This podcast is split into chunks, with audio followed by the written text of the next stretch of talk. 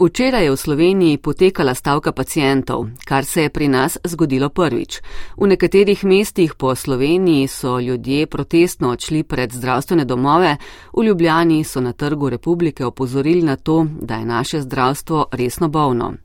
Videti je bilo transparente z napisi: Pacijenti nismo kupci zdravstvenih storitev. Plače zdravnikov se povečujejo, čakalne dobe se podaljšujejo. Pa tudi napis na hrbtu mladeniča: Že nekaj let se šivam sam, ni zakaj. Eden od govorcev na shodu je bil tudi dr. Dušan Keber, specialist interne medicine in nekdani minister za zdravje.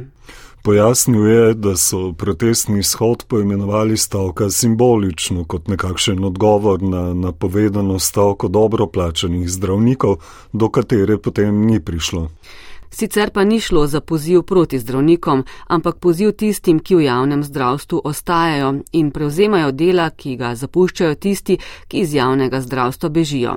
Šlo je za protest proti plenilcem javnega zdravstva, skupinam iz politike, zdravstva, zavarovalnic in sveta kapitala. Šlo pa je tudi za poziv vladi naj že preide od obljub k dejanjem. Vlada zdravstveno reformo namreč napoveduje za leto 2024, do takrat pa bo gasila požare. Pravite, nobena vlada pravzaprav ne bi smela trditi, da začenja od nič. Razmere v zdravstvenem varstvu so bile veliko krat analizirane v mnogih mandatih, napisani so bili tudi zakoni in vlada bi lahko tudi vzela karkoli v roke, kar je bilo že pripravljeno. Če pa analizira zdaj na začetku, pa je treba povedati, da bi kljub vsemu, da obstajajo nekatere stvari, ki bi jih lahko doslej že naredila. Naprimer, čez dve leti ne bomo imeli več družinskih zdravnikov. Zgleda, da jih bo manj zaradi upokojevanja. To pomeni, kakršen koli ukrep bo vlada predlagala čez eno ali čez dve leti, bi pravzaprav moral veljati in biti uveljavljen že danes, ker stvari ne bodo boljše. To je samo en primer. Enako mislimo o ukiniti dopolnilnega zavarovanja, ki bi ga bilo razmeroma lahko ukiniti. Mi smo zaskrbljeni in bomo seveda budno spremljali, v kakšno smer bo vlada usmerila svoje, svoje ukrepe. Ampak zavarovalnice so močne, verjetno ni ravno lahko ukiniti naenkrat dopolnilno zdravstveno zavarovanje. Zdaj je seveda treba se samo vprašati, ali, ali oblast poklekne, počepne pred, pred lobiji, pred kapitalom eh, in ni mar, kaj misli večina državljanov. Zdaj ne bom preveč oddaljen od tega, da so temu podobne vse oblasti, ampak seveda mi si ustrajno in optimistično upamo, da morda pa smo dobili oblast, ki posluša ljudi pa jih tudi sliši. Včeraj smo prisluhnili nekaterim zbranim na protestu njihovim izkušnjam iz javnega zdravstva. Ni nobenih izkušenj, ker ne pridemo na vrsto sploh do zdravnice. Ja. Ali pa zdravnika, ne. Samo bratje delajo, pa sestre. Jaz mislim, da se je vse začelo tistega leta, ko se je, je Zavod za zdravstveno zavarovanje odpovedal, da bo to dodatno zavarovanje on sprejemal, ampak da bo šlo to na zavarovalnice. Zavarovalnice pa, kot veste, delajo za svoj denar, ne za naš denar. To, kar bi mogla zavarovati zdravstveno zavarovanje, ta zavarovalnica. In takrat se je začelo vse skupaj podirati. Danes, če pogledate, bom rekel tako, vse zavarovalnice imajo že svoje zdravstvene domove, svoje zdravnike te mladi, eh, ki pridejo ven, se ne grejo kačo delati za 20 evrov na uro, recimo pa še 15 evrov za uro, tam jih dobijo pa po 150-160 evrov na uro.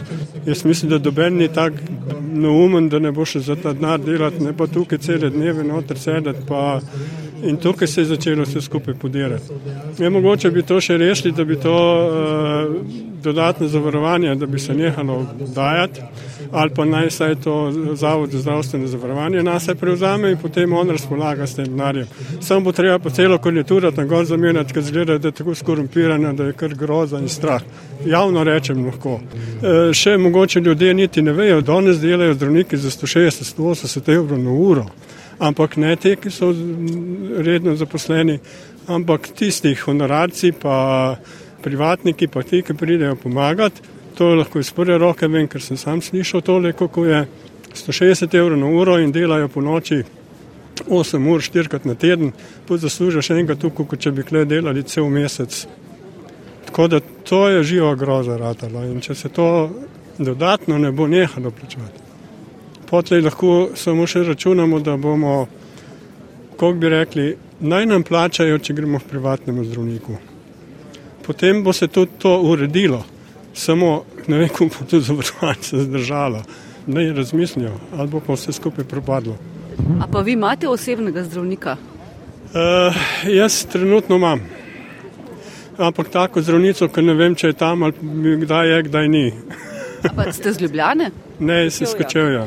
Naprimer, vem, da za mlade, ne samo za me, ampak tudi za koga drugega, recimo dostop za psihologa ali pa do psihiatra je zelo velik problem, ker so čakalne dobe tudi po dve leti in pač, ko rabiš psihološko pomoč, je pač to dokaj nujna zadeva, um, na katero pač ni možno čakati dve leti, ker je preveč urgentno. No. Uh, ta situacija ni samo od COVID-a naprej, ampak pač se vleče že od, pač odkar je Slovenija država. Pravzaprav se mi zdi, da pač že v celi zgodovini Slovenije se gradi na tem, da pač to vedno bolj vodi v privatizacijo. Da ni samo, se mi zdi, da se nikjer v zgodovini Slovenije ni zgodil nek, um, neka zareza, kjer bi rekli, da privatizacije ne bi smelo biti, no, ker se mi zdi nujno. Mene zanima, zakaj se noč onkološki bolniki ne bunijo, ker uh, jaz sem bila pred enim mesecem skoraj me kap zadela, ker mi po šestih kemoterapijah, dveh operacijah in uh, eh, 15 obsevanih zdravilišče ne pripada. To imam javno vprašanje, če ga boste izpostavili. Jaz sem bila pa uh, bolana, zelo bolana in sem na mail napisala zdravnici, če lahko pridem na pregled. Dala mi je uro, datum, čez tri dni sem prišla, in sem čakala dve uri. In potem, ko sem pa, pa sem pa rekla, noč, zdaj grem pa vprašati, ker sem pač tam. In je rekla, kako se pa pišete, pa sem povedala, kako se pišem. Pa je rekla, tako arogantno, sem vas klicala. Sem rekla, kdaj ste me klicala, če sem jaz bila pol ure pred, nobeden me ni klical, noč ne. Uh, in potem ona, ja, uh, takrat pa takrat ste bila naročena, pa vas ni bilo, ker smo vas klicali, bla, bla, bla. Mislim, tako arogantna je bila, ne. In jaz grem, odprem mail, nekaj pogledajte, kdaj sem bila naročena. Bila sem naročena 11.30, jaz sem prišla ob 11. In to, pa je pa sam rekla, opravičujem se in me je naročila čez 4 dni. Mislim, katastrofa od katastrofe. To zdravstvo je zdaj obup od obupa. Po vašem mnenju, kdaj se je to začelo? Ali se je to začelo potem med COVID-om, vaše izkušnje? Predtem, že predtem so bili problemi, samo mogoče ne tako hudi, ne? pa ne tako množično. Če zdaj sam to pogledate, 130 brez zdravnika, tavžant, mislim, bi mogli biti danes vsi tlene. Jaz mislim, da je to politika zelo uh, huda. Kaj so zdaj začeli zdravniki samo na denar? In zdaj v zdravstvenih domovih prideš, so skoraj vsi na koncesijo kaj se to prav? Ker, lejte, zakaj je veterinarjev dost? Pa isto študirajo, zdravniki isto študirajo, sam zdaj so zavohali denar in grejo vsi na privat. Točno to, kam so šli zdravniki, kar naenkrat jih ni, od letos jih ni. Prej je bilo pomankanje, od letos jih pa kar ni. Na pomankanje zdravnikov opozarjajo tudi sami zdravniki, ki so ob tem tudi kritični, da bi bilo treba ukrepati že veliko prej. Dušan Keber, ki je bil na položaju ministra od leta 2000 do 2004, odgovarja, da smo imeli pred 20 leti za pol manj zdravnikov in nobene dvoživke. Nismo imeli nobene dvoživke, imeli smo že koncesionarje in vsi pacijenti so imeli zdravnika. Hočem reči, da ima vsako obdobje svoje probleme in svoje naloge, ampak jaz takrat na ministrstvu sem predvidel praktično vse te težave, ki so danes. Mi smo jih opisali v beli knjigi, napisali smo reformo. To reformo je zavrnila vlada pod pritiskom Svetovne banke. Mi smo že takrat, pred 20 leti, ko je bilo, že, ko je bilo dopolnilno zavarovanje še na veliko hvaljeno v javnosti, predlagali njegovo ukinitev. To pomeni, jaz ne čutim neke odgovornosti, razen zato, da takrat, ko je bila moja reforma eh, zavrnjena, nisem protestno odstopil, ampak takrat je bilo pa itak že vlada tik pred koncem mandata. Ima kapital Svetovna banka danes drugačen interes? Ne. Interes je praktično enak, res pa je, da ga zdaj mora blažiti. Uh, ker, ker ugotavlja, da je potrebna redistribucija bogatstva, da poziva k obdavčitvi bogatih in tako naprej. Ampak kljub vsemu znotraj tega, ti stari centri moči, Svetovna banka, Mednarodni monetarni forum in podobni, oni apsolutno želijo ohranjati sedanje stanje, to pa je tisto, ki jemlje bogatstvo od revnih in ga pretaka k bogatim. 132 tisoč ljudi je v Sloveniji brez osebnega zdravnika. So kakšne rešitve, čez noč verjetno ne, ampak vendarle? So. Prvi zaradi tega, ker med temi 132 tisoči je približno 100 tisoč takih, ki so mladi in ki sploh še niso iskali osebnega zdravnika. To pomeni, mi se pogovarjamo o tistih približno 30 tisočih, ki so pa res brez zdravnika in ga nujno potrebujejo. Mi smo prepričani, da, da tudi če bi povečalo obremenitve današnjih družinskih zdravnikov, ta hip so na papirju ene od najnižjih v Evropi. To pomeni, če jih mi razbremeni, če jih seveda oblast razbremeni od administrativnih zadolžitev nekaterih, če oni nekaj strokovnih zadolžitev prenesejo na druge sodelavce, naprimer na medicinske sestre, če pritegne Če pritegne k delu tudi specializante, teh je tisoč, ki zdaj krožijo okrog po drugih oddelkih, ne pa v družinski medicini, potem jaz mislim, da je vsaj začasno mogoče ta reš, eh, problem rešiti v nekaj mesecih. Ampak vemo, prav tako kot zdravniki, tudi medicinske sestre odhajajo v zasebni sektor, odhajajo v tujino ali pa celo kam drugam na druga delovna mesta, ker je pač prednoporno. Zdaj, Če odhajajo v tujino, tega ne moremo preprečiti. Da pa odhajajo v naši državi, v zasebni sektor, je pa posledica tako slabe zakonodaje, da v zasebnem sektorju celo koncesionar, ki je plačan z javnimi sredstvi in to na enak način kot javni zdravnik, kljub vsemu lahko ustvari trikrat večji dohodek kot pa javni zdravnik. To pomeni, imamo tako slabo zakonodajo, ki omogoča izogibanje davkom, optimizacijo davkov. Ustavno sodišče je celo določilo, da koncesionari lahko uporabljajo, eh, da lahko oblikujejo profit z javnimi sredstvi, kar je popolnoma nepredstavljivo. In seveda mi smo v situaciji, ko vsaka stvar vabi v, v zasebni sektor, ob tem se pa mi sprašujemo, ali te zdravniki, ki bežijo med, med koncesionarje, ali to delajo zaradi nekega direktorja, ki je z njimi strok. To je seveda pesek v oči in iskanje grešnih kozlov. Pa vendarle so nekateri direktori določenih zdravstvenih domov kar um, uredili zadeve.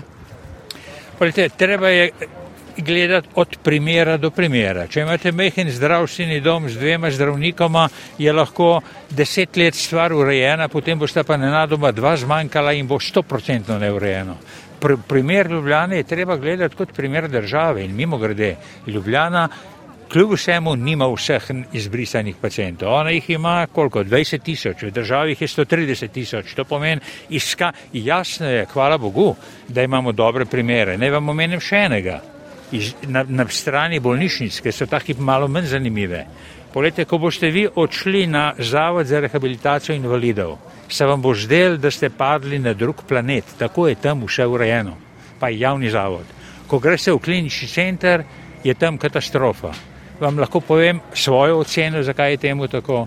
V kliničnem centru je 80% vseh specialistov dvožuk, v Soči ni nobenega motivacija za lastno ustanovo, odnos, pripadnost lastni ustanovi, to je dramatična razlika. In tukaj moramo iskati ključne, glavne razloge, zakaj je to. Včerajšnjega protesta pacijentov so se odeležile različne generacije, od dijakov in študentov do starejših. Prišla je tudi starejša gospa, ki je spremljala moža na invalidskem vozičku. Iz zdravstvenega doma Polje, Moste Polje, zdravnica nama je šla v pokoj in je bilo rečeno, da se bo nadomestek najdu, pa ni. Časa je bilo nadomeščanje, zdaj so nas pa vsi v, v zdravstveni dom na Fužine poslali. Če kje rabimo, se moramo v zdravstveni dom Fužine oglasiti. Za nujne stvari. Ja, sem za nujne, ja. pa za zdravila, če rabaš. Gospod je na invalidskem vozičku ja. in ima osebnega zdravnika. Ne, oba. Oba sva imela istega in zdaj sva oba brez. In kaj to pomeni? Ja. Najhujš, ne kaj more biti. Avtobus je spraviti, da se pelanke, pa vsi avtobusi nimajo vrvi gor, moram čakati drugega, ne, da le po zimi je fajn čakati dve ure avtobus. da pridete ja. do zdravnika za nujne stvari. Ja. Na vašem transparentu piše enakost pred zdravnikom. Ja, ampak ni ne. Čemu pa pripisujete odgovornost za to? Vsem vladam, kar jih je bilo. Vi imate zdravnika? Ne, jaz sem ostala brez zdravnika, v redu bi še prenesla, ampak moja mama pri 82 letih, da je ostala brez. In ko sem klicala in vprašala, kaj pa zdaj so rekli, da nič ne morejo pomagati, mislim, to mi je pa nezaslišano. Da pač tako je in da ni nobenega zdravnika, tako da enostavno je tako stanje. Človek pri 82 letih, vsaj sem pa kaj, pa siguren rabi, kakšno, a ne. Mu kaj falino. Zobe sem šla urediti v Bolgarijo. Uh, moram povedati, v treh dneh popolna protetika zgoraj in spodaj, fiksna, za tretjino de, uh, cene, ki so mi jo tukaj preračunali, s tem, da sem prepoznala uh, dr. Profesor Lubenova, ki se je potegoval tudi za ordinacijo tukaj v Sloveniji in mu je bilo onemogočeno. Predvsem zaradi jezika, s tem, da moram povedati, nisem imela nobenega tomača, ničesar, vse se sporazumeš in brezhibno. Kaj pa osebni zdravnik ga imate? Ja, srečo imamo, da, ima, da imamo to zdravnico, vendar pa moram povedati, da me je sram, da so danes izbrisani pacijenti, da smo v taki državi, tako kot me je bilo sram, ko so bili naši sodržavljani izbrisani. To je zelo podobno. In če mislimo, da bomo rasuli in da se nam nič ne bo zgodilo, tudi če imamo uh, zdravnico, uh, moram povedati, prej ali slej smo vsi na vrsti, da smo zbrisani na ta ali drugi način, ali pa za enega ali drugega vzroka. Če ste prebrali uh, dr. Kožuhovo, pa dr. Maroldo, vse to drži. Vsi bi morali podpreti ljudi, ki se izpostavijo in si upajo. A veste? Ne, da se skrijemo, pa rečemo, bodo drugi. Ne, prej smo, smo vsi na vrsti. Protesta se je udeležila tudi nekdanja predsednica Zveze društva upokojencev Slovenije Mateja Kožuh Novak. Vsak človek, ki redno plačuje svoje zdravstveno zavarovanje in ne more priti do zdravnika, je v bistvu ogoljufan, ne dobiva tistega, kar mu je družbena pogodba zagarantirala. Politika je zato tu, da to družbeno pogodbo na novo uveljavi. Kako bo to naredila, ni lahko. Ampak čas bi bil, da se premakne iz te točke pregovarjanja, dogovarjanja, kupčkanja, iskanja, kdo je kriv in kdo ni kriv, skrajni čas. In čas je, da tudi zdravniki prenehajo izsiljevati. Osebnega zdravnika imata tako filozof dr. Lev Kreft kot filozofinja in sociologinja dr. Renata Salecel, ki pa pravi, da je to postal velik problem za številne njene znance in prijatelje. Vidimo, da je ta sistemski problem že dolgoleten, da so se mnoge vlade zamenjale in pravzaprav uredile skoraj da nič, dovolile to privatizacijo, eh, dovolile so tudi veliko prelivanje javnega denarja v zasebne žepe in seveda eh, prišlo je tudi do tega, da si recimo koncesionarji lahko izplačujejo dobičke iz javnega denarja, kar je v bistvu na nek način absurdno. Javni denar bi se mogel nazaj vlagati vlagati v čim boljšo skrbo pacijentov in ne v zasebne roke. V govoru ste dejali, da to je pravzaprav naša pravica. Ne? Absolutno, to ni izbira, to je pravica. Seveda lahko izberemo, če imamo možnost katerega zdravnika, ampak to, da prideš do zdravnika, je naša pravica. Mi za njo plačujemo, eh, plačujemo eh, mnogo preveč, posebej glede na to, da tudi revni plačujejo isto vsoto dodatnega zavarovanja, tako da imamo zelo slabo organizirano to neko progresivno lestvico plačevanja in to, da ima toliko ljudi eh, danes težave je v bistvu neka nacionalna katastrofa. Jaz jemljem to kot problem človekove pravice, ki je kršena. Jaz imam osebnega zdravnika eh, in sem zato tukaj, da izrazim solidarnost z vsemi tistimi, ki ga nimajo in ne morejo do njega. Solidarnost bi morala biti v temelju zdravstvenega sistema. Ja, brez tega javnega zdravstva ni. Ne. Je pa tudi res, da javno zdravstvo ne more delovati, če je pomešano z dvoživkami, ki delajo v javnem in zasebnem zdravstvu hkrati. To bi bilo treba seveda nujno ukiniti, ne glede na to, kakšne se druge reforme si bojo zmislili vladi. To je način nažiranja javnega zdravstva, ki v resnici plačuje ceno za nastanek zasebnega. Jaz nimam nič proti koncesionarjem. Ne Imam pa proti zdravnikom, ki delajo v javnem in zdravnicam, ki delajo v javnem zasebnem zdravstvu, tako, da pravzaprav s tem krepijo zasebno zdravstvo proti javnemu. To je uničevanje temeljne solidarnosti, ki vzpostavlja zdravstveni sistem. V Ameriki in nekaterih drugih državah imajo že dolgo take sisteme, ki so zelo nesolidarni. Ja, sej, mislim, dejstvo je, da smo mi v preteklem obdobju strašno posnemali razne ameriške iznajdbe, zlasti tiste, ki so zelo po neoliberalnem kopitu. In uh, te iznajdbe so take, da pravijo, tiska nima denarja, bo pač umrl. Ne. To je pač za družbe, ki prisegajo samo na tržno tehmovanje. Uh, pravzaprav so to družbe, ki niti ne živijo, če uporabim izraz. Uh, od, od eh, agonizma, ki je tekmovanje, ampak živijo od antagonizma, bogati proti revnim. In eh, to se mi zdi, da so to družbe, ki bojo začele počasi propadati. Ne. Tudi sociolog religije, dr. Aleš Črnič, je eden od teh, ki še imajo osebnega zdravnika. Na protest pa je prišel zato, ker je pripričan, da je skrajni čas, da se ustavi desetletja dolg proces razgradnje nekoč odličnega zdravstvenega sistema. Meni, da je to simptom razpada družbe. Torej, tukaj je treba biti pošten in treba biti natančen. To je problem, ki ima več desetletno genezo. Ta vlada tega problema ni povzročila, kako pa se ga z neko vzvišeno aroganco loteva ta minister, to pa je zaskrbljujoče. Ne, tako da proti temu uh, nasprotujemo. Treba pa je povedati, ja, prejšnja vlada in še nekatere vlade prej, prejšnja in tako rekoč vse desničarske vlade so ta sistem peljale v diametralno nasprotno smer, v smer večje privatizacije. To je rak rana slovenskega zdravstvenega sistema. Uh, kapitalistične, požrešne, privatizacijske uh, tendence. Na včerajšnjem shodu pacijentov je bilo tudi nekaj predstavnikov političnih strank in aktualne vlade. Tudi premije dr. Robert Golop, eden od sogovornikov anketi, glede tega meni, da je vse skupaj velika farsa.